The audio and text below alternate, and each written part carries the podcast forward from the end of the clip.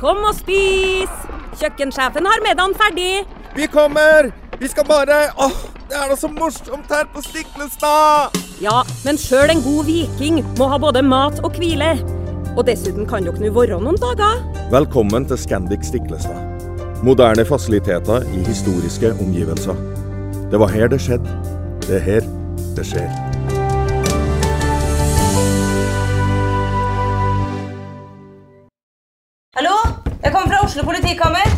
Ine Jansen er purk. Er du purk? The motherfucking bitch. Alt jeg vil, er å finne ut hva som skjedde med mannen min. Jon Carew. Er jeg sikta for noe? Iben Akeli. Det er du. Ole So, Lars Berrum og Big Daddy Karsten. Hvem sin side er du på, egentlig? Anette Hoff, Tone Danielsen, Kommer du fra Afrika? Jørnis Josef, Nesten. Kløfta. Trond Espen Seim, Det er synd å si det, men det var feil mann som døde. Purk. Premiere tirsdag på TV2 Play.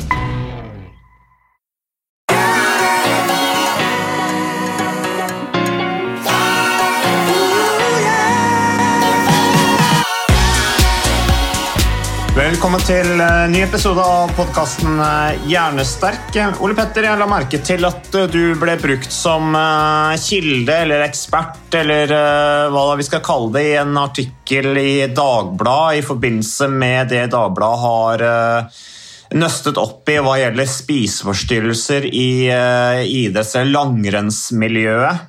Eh, og det har jo skapt en ganske stor debatt, fordi langrenn er jo på en måte det sunneste av det sunne, eh, som det alltid har vært fremstilt eh, i Norge. Eh, det har på en måte vært en feilfri idrettsgren for veldig mange. Og hvis man har antydet, Jeg har opplevd liksom, hvis man har antydet at det sannsynligvis er, er spiseforstyrrelser i, i, i langrenn også, blant romantikerne, da, nostaldikerne, så har de liksom Nei, nei, nei! Det, er, det finnes ikke, og det er bare tull, og der spiser de så mye. og Vi har jo sett disse reklamene, det er jo noen år siden de gikk, riktignok, men med disse langrennsløperne med sant, melkebart og Det var liksom ikke grense for hvor mye de spiste, men så viser jo da sannheten seg å være en litt eh, annen. Eh, og det, disse artikkelseriene til Dagbladet, som er veldig bra, de strekker seg jo langt tilbake i tid, til 80-tallet. Eh, og det er jo denne saken om benskjørhet blant kvinner, hvor du brukes som, som kilde, Ole Petter. Eh, og da tenkte jeg kanskje Det kunne jo vært noe vi burde snakket om i podkasten Hjernesterk, eh, igjen fordi at vi begge kommer fra idrettsmiljøet. Jeg selv har jo vært åpen om utfordringene jeg opplevde i sykkel, og de utfordringene jeg personlig hadde også relatert til det å underspise. Eh, Og så hadde vi jo, vi hadde jo Ingrid Senneset i en egen podkast for en stund siden, eh, hvor hun snakket om åpenbar altså Der var det jo virkelig anoreksi, eh, og, og, og hennes opplevelse med bl.a. innleggelser. Så jeg tenkte vi skulle snakke litt om det i dag, Ole Petter. Er det ok for deg, eller? Ja, Det tenker jeg er betimelig å snakke om. Nå har det jo vært eh, ganske mye media rundt dette. Det er flere store aviser, VG, eh, Dagbladet bl.a., som har hatt eh, artikkelserier som handler om forstyrret spiseatferd og kanskje til og med kliniske spiseforstyrrelser i idretten. Og jeg tenker nå at idretten som helhet er jo i det store og det hele svært positiv helsemessig, både for enkeltindividene og folkehelsa. Det tror jeg ikke vi skal glemme. Men det er noen baksider der òg, som, eh, som jeg tror vi bør snakke om. Vi snakker veldig ofte om at fysisk aktivitet og idrett det er eh, sant, aktiviteten og behandlingen uten noen bivirkninger. Men som med alle typer intervensjoner og ting vi gjør for helsa og prestasjon, så, så har det noen bivirkninger, og de tror jeg det er viktig å, å snakke om. Og den studien du, du refererer til, der, hvor jeg har blitt brukt som sånn medisinsk eh, Kall det kyndig eller eh, medisinsk ansvarlig, det er en større studie hvor man har gjort to ting. da. Man har spurt eh, et ganske stort utvalg av norske skijenter på skigymnas, videregående skole med langrenn, altså de som satser langrenn, og skiskyting. Og så har man stilt dem en rekke spørsmål, og så har man funnet ut at ca. en tredjedel, rundt 30 av alle disse norske skijentene som har blitt spurt, de har eh, forstyrret spiseatferd og syn på egen kropp. Og Det er jo ganske høye tall. og Så sammenligner man det med en litt større studie som ble gjort eh, for noen år siden, ikke så veldig mange år siden, men hvor andelen var betydelig lavere. Så man er jo litt bekymret for en økt forekomst av dette. Men om det- forekomsten er økt, eller om det har bare blitt mer synlig og mer eh, åpent å snakke om, det vet vi ikke helt sikkert. Men det er iallfall ganske høye tall. Så Det er den ene delen av studien. Og Den andre delen av studien var at man eh, kartla beinhelsa til eh, tidligere toppskiløpere på kvinnesiden. De som var OL- og VM-deltakere på 80- og 90-tallet. Så har man fulgt opp dem litt over tid, og så har man bl.a. gjort målinger av beintettheten deres nå i dag. Og nå er jo disse godt voksne damer, eh, 50-60 år. Ja. Eh, Og da ser man at det er et urovekkende høy andel av disse seks av ni tror jeg det var, som eh, hadde tegn til beinskjørhet i dag. Mm. Eh, Her er det mye interessant du sier, Ole Petter. Dette med at tendensen er økende i forhold til de som melder inn spiseforstyrrelser, eller opplevd spiseforstyrrelser. Det kan jo være sammensatt, som du sier, at det kan også ha noe med åpenheten i samfunnet i dag i forhold til det som går på psykisk helse. Eh, Og det er jo da positivt. Eh, En annen ting er jo dette her med, som jeg tenker litt på, er dette her med sosiale medier. Eh, Jeg lurer på om det kan ha noe å si. eh, At det er en veldig eksponering av eh, kropp, også blant toppidrettsutøvere, på sosiale medier, og at det blir samlingsgrunnlag. Jeg kan kjenne meg litt igjen hvis det er en av årsakene, så kan jeg kjenne meg litt igjen. For når du står i sykkelfeltet før start på en eller annen etappe i et eller annet stort sykkelløp, på den tiden jeg var proff på, på rundt 2004 til 2008, eh, så, så, så sammenlignet man seg jo sine bein med konkurrentenes.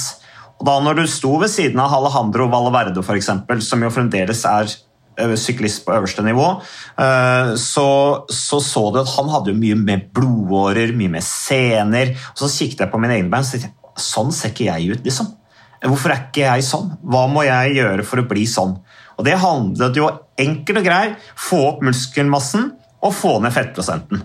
Det er det det handler Ja, ja. ja da, og det, jeg har jo en helt lignende opplevelse. Jeg, eh, jeg er jo mann på 1,79 og veier i dag 70 kilo, men eh, da jeg løp maraton aktivt, så veide jeg 64 kilo.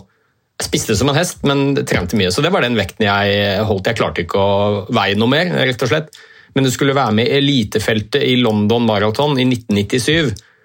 Og? Når du er 1,79 høy og veier 64 kilo, så er du ikke noe tungvekter akkurat. Nei. Men jeg var jo mye større enn mange av de som sto ved siden av meg. Husker det var en spanjol, en som het Pinto, eh, som var hentet inn for å sette verdensrekord. Vel, altså, disse gutta veide jo kanskje noen og 50 kilo, ikke sant? Så jeg følte meg jo som en koloss og en kjempe. Ja. Så, så det handler jo mye om eh, altså Poenget mitt er at vi sammenligner oss med andre, og så blir det en slags målestokk for vår egen kropp eh, og kroppssammensetning. Og jeg tror jo, uten at jeg har noe forskningsmessig belegg for å si det, at en av utfordringene er at det har blitt mye mer fokus på kropp, også i idretten.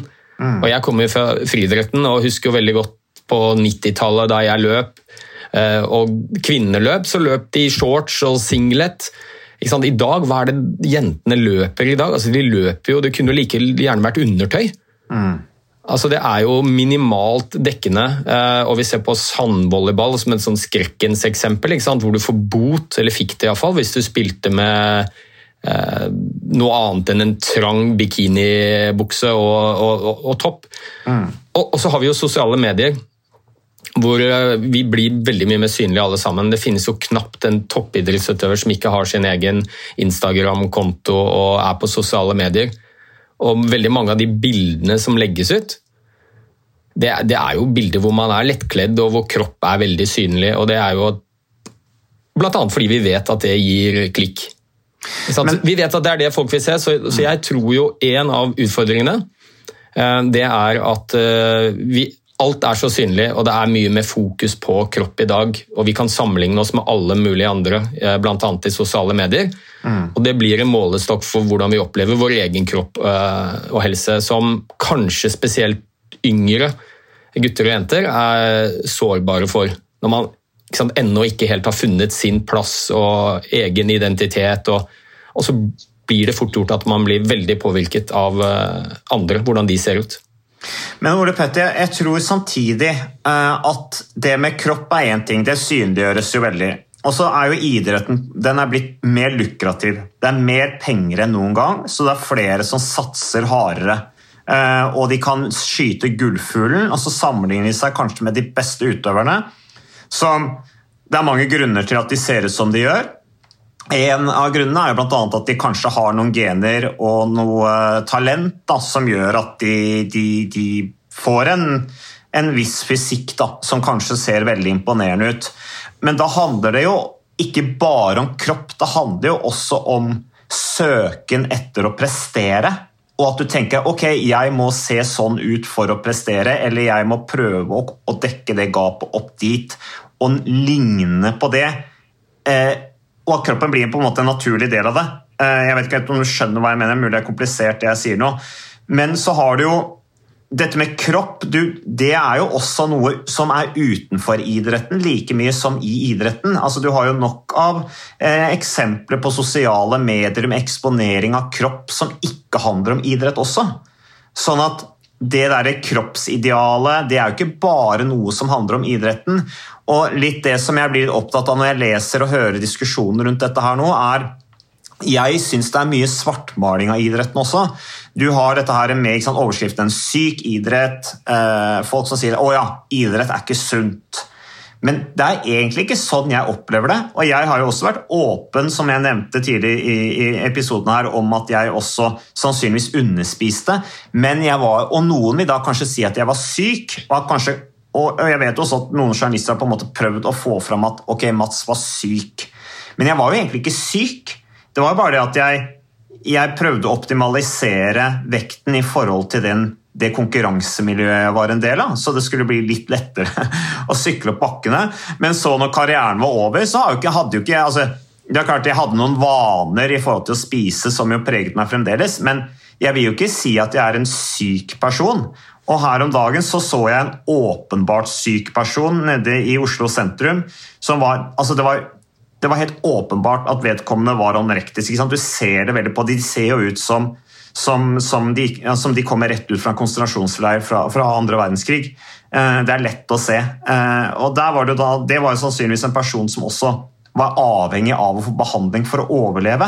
Da snakker man syk, men jeg tror man skal være litt forsiktig og det tror jeg du er enig med meg i også, at man skal være litt sånn forsiktig med å bruke begrepet syk og syke utøvere når de i utgangspunktet jobber for å optimalisere vekten fordi at de skal prestere på et veldig høyt nivå, og de gjør det en periode av livet som de, når de er ferdig med det, kommer tilbake til en helt normal tilstand. Ja, du, og jeg, jeg, er helt enig med deg. og jeg tenker Det er ikke noe vanskelig å forstå at eh, idrettsutøvere, kanskje spesielt unge, som driver med utholdenhetsidretter, hvor vekten selvfølgelig er en faktor som påvirker eh, prestasjon. Så dette er kondisjonsøvelser og Da vet vi jo at det er sant, oksygenopptak per milliliter per kilo kroppsvekt per minutt. Sant, mm. maksimalt oksygenopptak, som er liksom driveren for prestasjon. Så er det jo ikke så rart at disse motiverte eh, idrettsutøverne gjør det de kan eh, for å optimalisere prestasjon. Det gjør man jo på alle mulige nivåer. Søvn og trening og da er vekt et viktig element også. Mm. Og jeg tror vi skal være forsiktige med å kalle alle som har en vekt som kanskje avviker litt fra eh, Kall det normalen i anførselstegn i samfunnet som syke. Mm. For jeg, jeg, tror det er et litt annet element også, at det som ses på som normalt i dag, det er ikke det som var normalt for en del år siden. Altså Gjennomsnittsvekten til en eh, godt voksen nordmann har jo gått opp ca. 10 kg i løpet av noen tiår. Sånn at de som ville blitt sett på som helt normale for noen år siden, de kan fort nå bli stemplet som sykelig tynne. Mm. Selv om de har en vekt som er biologisk normal. altså Gjennomsnittsnordmann er ikke normalvektig lenger. Så, og, og, jeg tror også det er veldig viktig å skille mellom det å kanskje ha en litt uheldig oppfatning av mat, kropp og kosthold, som jeg tror ikke det er noe tvil om at eh, en del i eh, utholdenhetsidretter har. Det er spesielt jenter er sårbare. Men vi må også skille det fra å ha en klinisk spiseforstyrrelse, anoreksia nervosa, bulimia nervosa. Altså, dette er jo sykdommer som for mange er livstruende, og som krever intens behandling i, i helsevesenet. Så det er jo en glidende overgang der. Mm. Men jeg tror jo at idretten hovedsakelig er frisk, men det er en del bivirkninger ved idrett og fysisk aktivitet som vi må tørre å snakke om. Og jeg tror det er det aller, aller viktigste her. At ja, dette finnes. Hvis vi skal få noe bukt med det, så må, så må vi tørre å snakke om det. Mm. At det ikke blir dysset ned, og at idrettsutøvere som blir intervjuet, sier at nei, nei, er, noe sånn har jeg aldri opplevd i skimiljøet. og Husk, min, min, hovedoppgave er å gå fort på ski, jeg har ikke lyst til å involvere meg i det der. Jeg tenker Vi må tørre å snakke om det. Og ja. Det er et eh, ordtak på engelsk som jeg liker veldig godt, og det er at uh, 'sunshine is the best disinfectant'. Det betyr rett og slett bare at åpenhet er det aller viktigste hvis du skal bli, få oversikt eller bli kvitt et problem. Mm. Så ja. Um, ja, der er jeg helt enig med deg. Altså, at det ikke blir en sånn elefant i rommet, for det blir for dumt. Eh, og, jeg synes det er litt morsomt. Jeg snakket med, jeg har jo også denne Sykkelpodden, eh, som er en TV 2-podkast, hvor vi snakket om dette her i går. og Som, som jeg sa der, at liksom, nå endelig nå kommer det opp til overflaten på, i norsk idrett òg. Det har det for så vidt vært diskusjon lenge. men men var, sykkel var jo selvfølgelig den idretten hvor dette her virkelig eh, Debatten rundt dette her virkelig ble synliggjort for ganske mange år siden, hvor både Tor Hushovd og jeg snakket om utfordringer i sykkel. Vi har hatt noen internasjonale proffsyklister som snakket om deres problemer eller utfordringer også.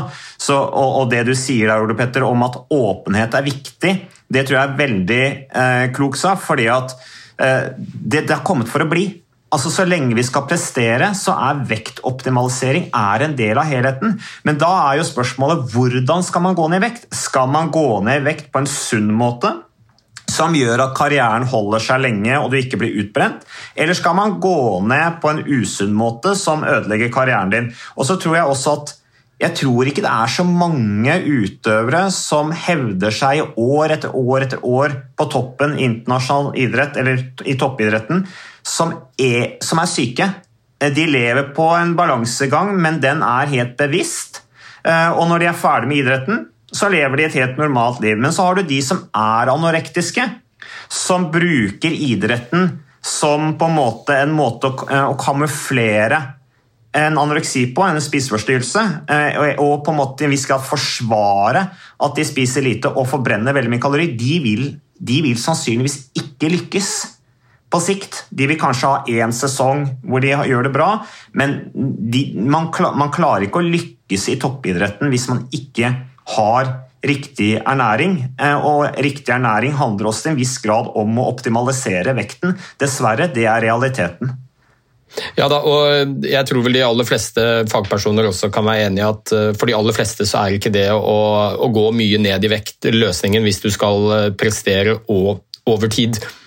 Um, og Det er jo flere eksempler nå på um, idrettsutøvere som står fram og rett og slett sier at vet du hva, jeg, jeg, har faktisk gått litt opp i vekt, jeg har fått mer muskelmasse, jeg presterer bedre på ski. Holund er jo en av de som akkurat har vært ute i en podkast og sagt at uh, hans fokus er å passe på å få nok næring, få riktig næring. Mm. Eh, og det å, å, å, gå ned noen kilo og tape muskelmasse også, det, altså dette er jo utøvere som i utgangspunktet er slanke. Mm. Så for de aller fleste så vil det jo ikke være noen løsning å gå ned i vekt. Men, så uh, ja. for prestasjon uh, på sikt, da. Men, men, jeg har snakket med et par av verdens beste skiløpere eh, om dette med vektoptimalisering. De har henvendt seg til meg bl.a. hvordan gjør man det i sykkel. Eh, de har sett syklister, vært på samling med de osv. Og, så og sett at de spiser mindre enn det de gjør, og vært interessert i deres metoder fordi at de også ønsker å gå ned i vekt. Jeg skal ikke nevne navnene, for jeg har ikke eh, klarert det med de om at jeg kan snakke om det. Eh, men dette her er jo noe som er en del av hverdagen også i den sunne norske idretten. På de som eh, skal prestere på det nivået. Men dette her var da karer som ønsket å gå ned i vekt, og så var planen å gå opp igjen i vekt. Men de brukte altså eh, Deffing har vært annet brukt som et begrep inn mot mesterskap. De går ned i vekt, får ned noen kilo, og så går de opp igjen. Altså De periodiserer, da. Det tror jeg også de beste er gode på. At de slipper seg, at de går ned i vekt, og så går de opp igjen og slipper seg litt ned formmessig også. For å, å, å, å få litt avkobling da, og litt mer liksom, balanse inn i hverdagen. For du kan ikke leve som en sånn asket som bare teller kalorier 365 dager i året. Da blir du fullstendig utbrent. Ja da, og eh, Altså, dette er jo Ukas annonsør det er uh, HelloFresh. Og uh, hvis du nå går inn på hellofresh.no og bruker koden 'fresh hjerne', så kan du få opptil 1779 kroner rabatt på da de fem første matkassene dine hvis du ikke har prøvd HelloFresh enda. Og Ole Petter, vi er jo glad i HelloFresh i podkasten Hjernesterk, selvfølgelig fordi at de er en annonsør. De er med og bidrar til å spre det glade ordet om fysisk aktivitet og god helse, men i tillegg så har jo vi også nå lang erfaring med HelloFresh Fresh selv. Så vi må jo si at det har vært gode erfaringer til nå. Ja, absolutt. Visste du Mats, at HelloFresh det er faktisk verdens ledende matkasseleverandør? og Tilbudene til HelloFresh gjør det enkelt å lage gode og varierte retter som skaper matglede. Og matglede vet du, det er like viktig som hva du putter i munnen. Det å spise mat med folk du trives med. Så gjennom 25 nye og inspirerende retter hver uke så bidrar HelloFresh til dette. Du kan bestille ekstra personer om du får gjester, eller hoppe over uke hvis du f.eks. skal bort. Mm. Og Det er ingen bindingstid, og du velger leveringstidspunkt og dag selv, så leverer Hello først matkassen din akkurat når det passer deg. Ikke dårlig, Mats. Nei, det er veldig bra. Så, eh, og dette er med enklere hverdag, det kan jeg nå skrive under på. For nå, forrige erfaring vi hadde forrige uke, Ole Petter, det syns jeg var Det var jo et gjennombrudd eh, for familien Kaggestad. For da lagde rett og slett barna de lagde middag og serverte middagen, så den var ferdig laget og servert da når eh, min kone Marita og meg kom hjem fra jobb. Og jeg mener Det var jo bare helt utrolig. Eh, det var helt fantastisk. Det ble en nydelig middag. Riktignok de, de, de, de roter og søler litt, det gjør de. Så, men, men, maten ble veldig god. De var veldig stolte over å, kunne, ha både laget og servert maten, så det var helt fantastisk. Så vi har jo da i siste så har vi eh, spist eh, bl.a. sitron- og dillstekt hyse med ovnsbakte grønnsaker og aioli. Eh, vi har spist middelhavsinspirert kylling. Taco, så finnes det mange ulike typer taco. F.eks. vietnamesisk taco, som vi har spist. Thailandsk vegetargryte. Veldig riktig og sunt uh, i dagens uh, samfunn med, med, fokus på bærekraft. Hvitløk og chilistekte reker i spagetti, det var definitivt en vinner. Så det er så flott. Du får rimelig mat ved at du kun betaler for det du trenger, så det blir ordentlig feststemning med Hello Fresh. Det gjør det, og nå er det bare for deg å gå inn på hellofresh.no og bruk koden 'fresh hjerne'. Da får du opptil 1779 kroner rabatt på de første fem matkassene dine hvis du ikke allerede har prøvd HelloFresh. Du kan også bruke rabattkoden hvis du har stoppet abonnementet ditt for tolv måneder siden eller mer. Er det noe å lure på? Håper maten smaker godt. Bon appétit! Altså du kan ikke fjerne eh, parameteret vekt eh, fra, fra disse kondisjonsidrettene. Det kommer alltid til å være der. Men jeg tenker når, når du gjør undersøkelser og du ser at inntil en tredjedel av unge jenter har et forstyrret syn på både mat og egen kropp, så, så har vi kommet ganske langt. Og mm. jeg, jeg, tror vi skal være, stikke fingeren i jorda og kanskje innse at uh, det å være toppidrettsutøver og satse på kondisjonsidrett, det gir faktisk en økt risiko for å utvikle forstyrret spiseatferd. Mm. Men samtidig så er det litt sånn høna og egget. Vi vet også at denne typen idrett kan lettere tiltrekke seg de som kanskje i utgangspunktet har forstyrret spiseatferd. Altså at idretten og aktiviteten brukes som et verktøy for å holde vekta. Så det er nok ikke bare idretten som har skylden. Hvis du skjønner hva jeg mener. At ja, det å være toppidrettsutøver det ser vi i store studier, det gir økt sannsynlighet for å utvikle uheldig spiseatferd og syn på kropp. Men det kan også være motsatt, at de som i utgangspunktet har disse problemene, de tiltrekkes av idretten og bruker aktiviteten som et verktøy i, i sin allerede etablerte spiseforstyrrelse. Ja, så er det også spørsmålet Petter, i dagens samfunn, eh, med sosiale medier, eh, psykiske utfordringer relatert til psykisk helse blant unge, hvordan er den samme spørreundersøkelsen blant folk som ikke driver med idrett? Altså, hva er, hva er tallet der? Det har du kanskje ikke eh, i hodet, det har vi kanskje ikke for oss, men det ville jo vært interessant å sammenligne det også. Ja, selvfølgelig er det det. Du må jo sammenligne mm, skimiljøet da, for eller idrettsmiljøet med kall det i anførselstegn normalbefolkningen som ikke satser på ski, samme aldersgruppe, kjønn osv. Og, og, og vi vet jo at dette med forstyrret spiseatferd og syn på egen kropp det er relativt vanlig, spesielt hos jenter. Eh, vi ser det i disse ungdataundersøkelsene, som er for alle norske skoleelever, eh, helt uavhengig av om de driver med idrett eller ikke. Så, så dette er jo et samfunnsproblem. Nå har ikke jeg tallene i hodet, men, eh, men det er en overhyppighet i idretten da, sammenlignet med normalbefolkningen. Selv om det er ganske mye av det i normalbefolkningen. Så dette er jo ikke et isolert problem for idretten. Det gjennomsyrer hele samfunnet vårt, dette med fokus på kropp og vekt. og, mm.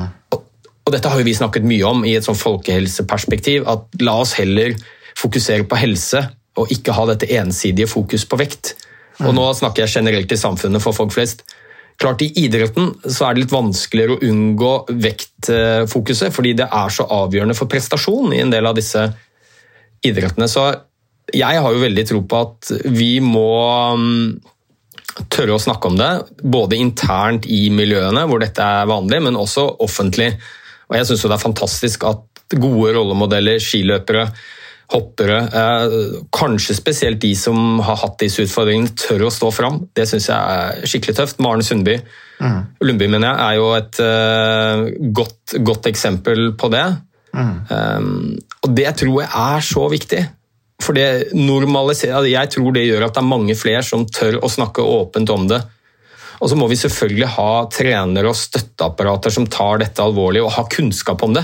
Mm. Altså, rett og slett, det holder ikke bare å ha kunnskap om hva slags type intervaller du skal kjøre for å øke oksygenopptak. og Er du i, i støtteapparatet i landslaget på ski eller skiskyting, så må vi ha faglig kompetanse rundt dette med spiseatferd og kroppsforståelse også.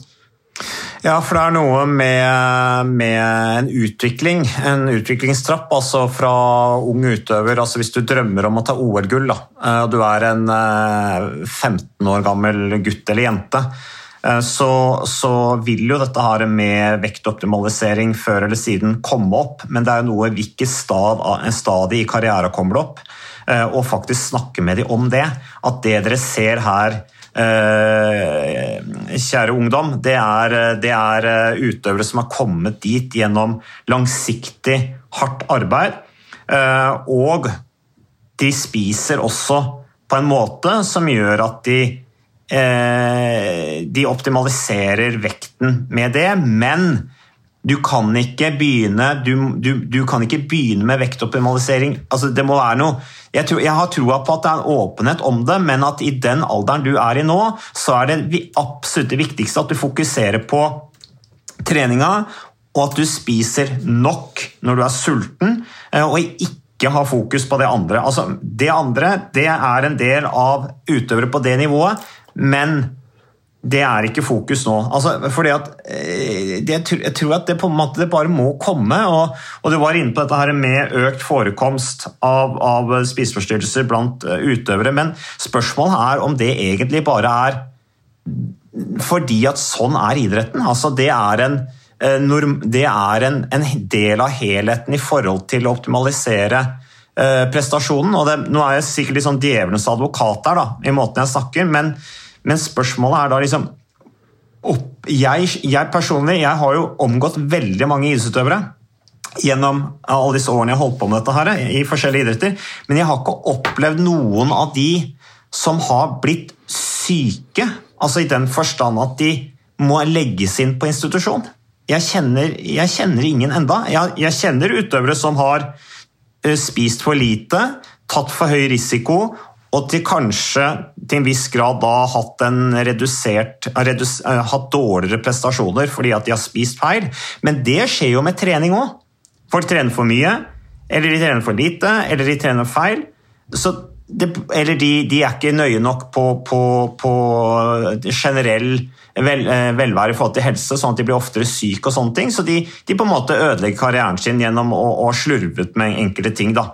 Så spørsmålet er liksom, i, i, hvor stor grad er dette bare en del av, av en normal helhet? Ja, det er, det er, jo, det er jo, et godt spørsmål, det. Jeg, jeg tror nå personlig at vi At dette er ikke bare helt normal fokus på vekt. Eh, altså, som sagt, vekt er et, eh, et, element som avgjør prestasjon, men når det er såpass mange som helt åpenbart opplever at dette er en utfordring for sin egen helse, både fysisk og mental helse, mm. så tenker jeg vi har kommet uh, for langt, og at vi bør gjøre noe med det. Og jeg tror som sagt det viktigste er å være åpen om det, prøve å få innblikk i hvor, hvor uttalt er dette.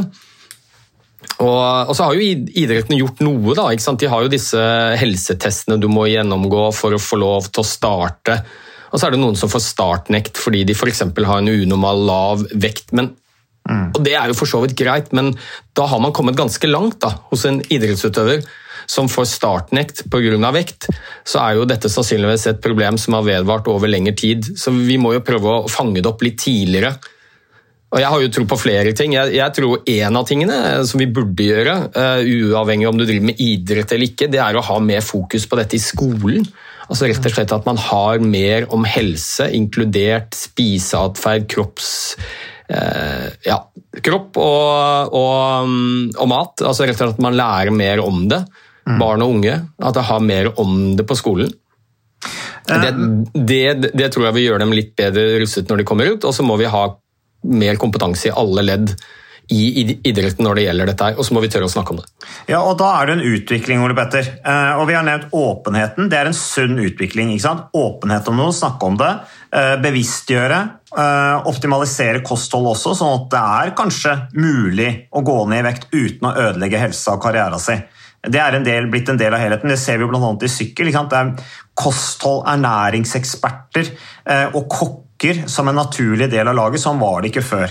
Fordi at rytterne må spise riktig. Jeg har også nevnt dette med startnekt. Det er jo da Da har jo idretten blitt sunnere, da.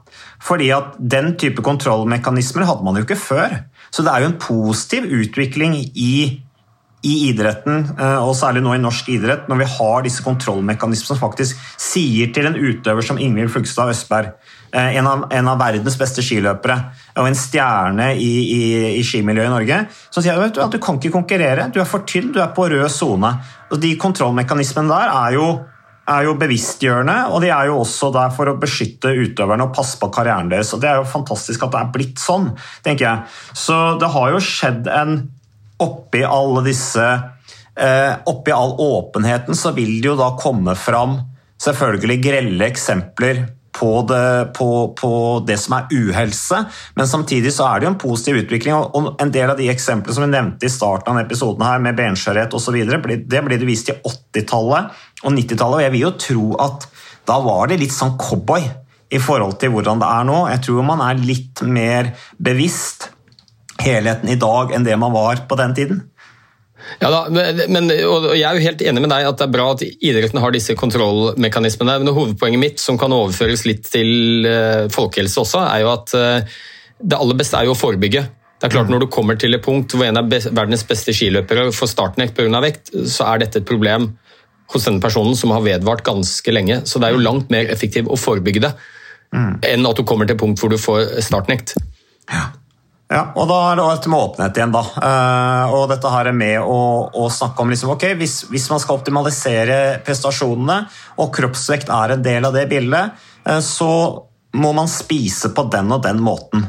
Da kan det godt tenkes at du må spise mindre boller og tomme kalorier, men da erstatte det med noe annet. For problemet er jo når folk ikke spiser noen ting. Eh, og gjør det over lang tid, så, du, så, går du utover helsa, og du blir utbrent og, og du blir ødelagt. Eller i karrieren din blir du i hvert fall ødelagt. da. Eh, I beste fall bare det.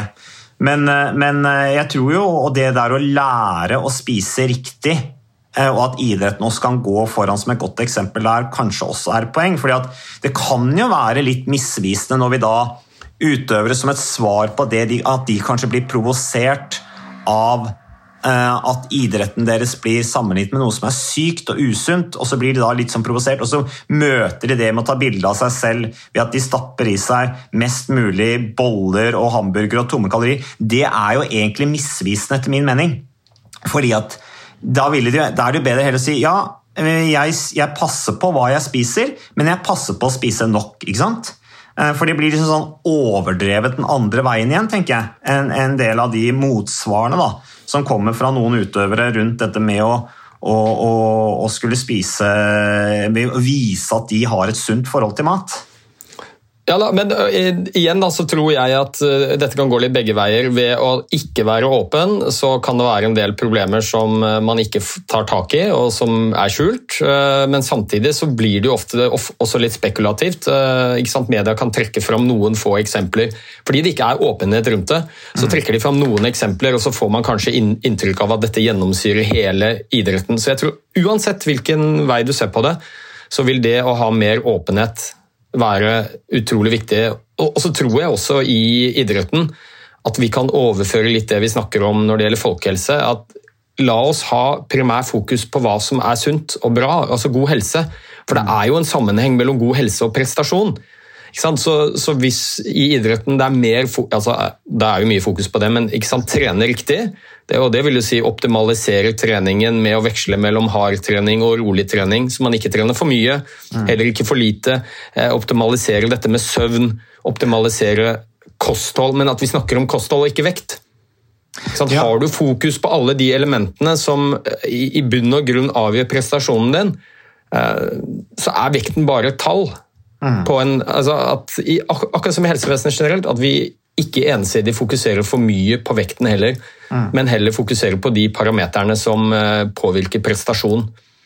Ja, er, og det er jo trening, ja. det er kosthold, det er søvn. Mm. Og en del andre ting også, selvfølgelig. Ja, vi, jo, vi, har jo hatt en episode med Tine Sundfør. ikke sant? Vi snakket om riktig mat. Vi hadde en episode nå hvor vi snakket om hun som ville gå ned i Hun ville spise mindre Eh, hun spiser 100 gram sjokolade om dagen. Hva erstatter man det med?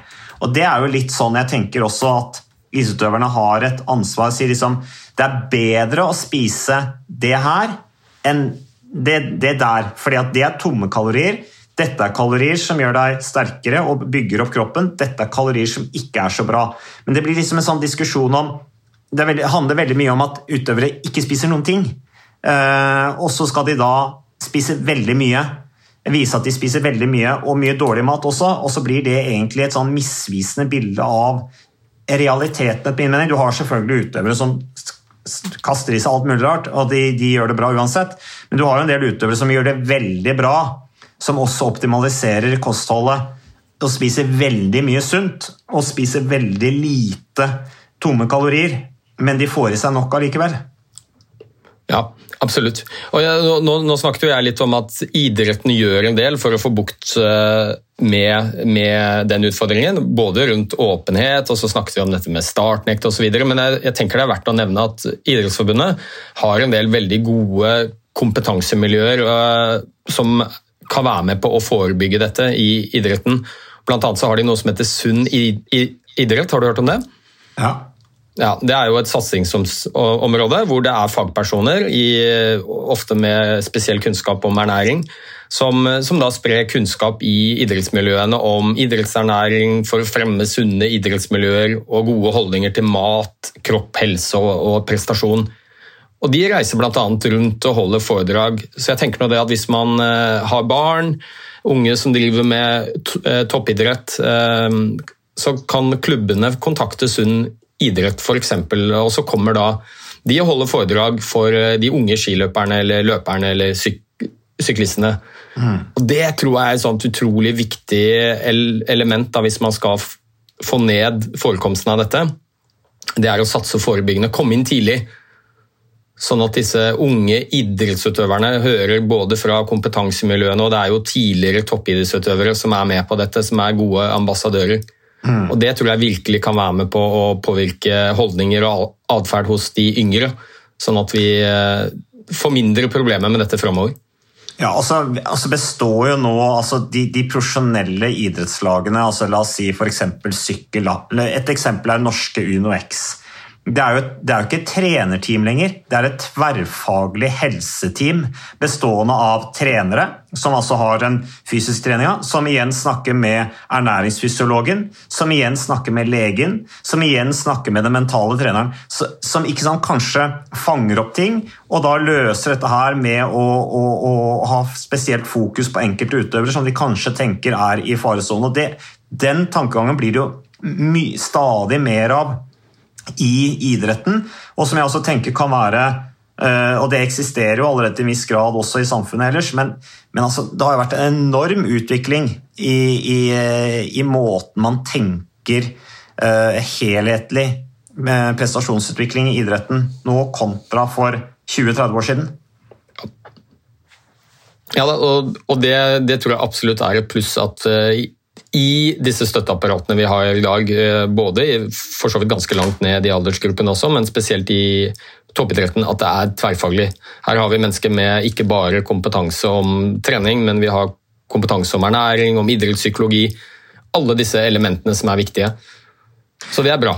Og det er klart, det apparatet har ikke en vanlig idrettsungdom rundt seg. Så, så, Der kommer da liksom balansegangen i forhold til kommunikasjon. Og det, og, det, tror jeg er bra at vi har den diskusjonen gående. Jeg tror ikke vi har noen løsning her nå, men det har vært en ganske bra prat. Ole Petter. Vi har liksom diskutert det godt her nå, så jeg tenker kanskje at det er greit å avslutte. Ja, og jeg kan jo få inn et siste ord, som vanlig. Og det er, og det er bare nok en gang Jeg, jeg syns det er utrolig bra når altså Én ting er at vi snakker generelt om det i media osv. Kanskje den største signaleffekten eh, det er jo når eh, de som er i miljøene, står åpent fram og snakker eh, om utfordringer rundt dette med mat og kosthold og vekt og osv. Og, og det ser vi jo nå. Nå kommer det jo fram, veldig mange av dem, og mener noe. Og det syns jeg er fint. Ja. At man tør å mene noe og snakke åpent om det. De som er i miljøet, og som er forbilder for veldig mange. Ja, Åpenhet og meninger er eh, utviklende. Det skaper nyanser, og da får vi mer forståelse. Så fortsett med det, og takk for at du lyttet på podkasten Hjernesterk.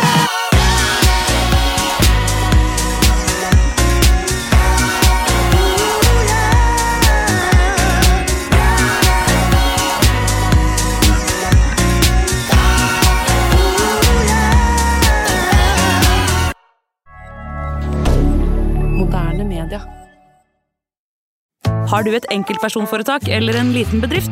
Da er du sikkert lei av å høre meg snakke om hvor enkelt det er med kvitteringer og bilag i fiken, så vi eh, gir oss her, vi. Fordi vi liker enkelt. Fiken superenkelt regnskap.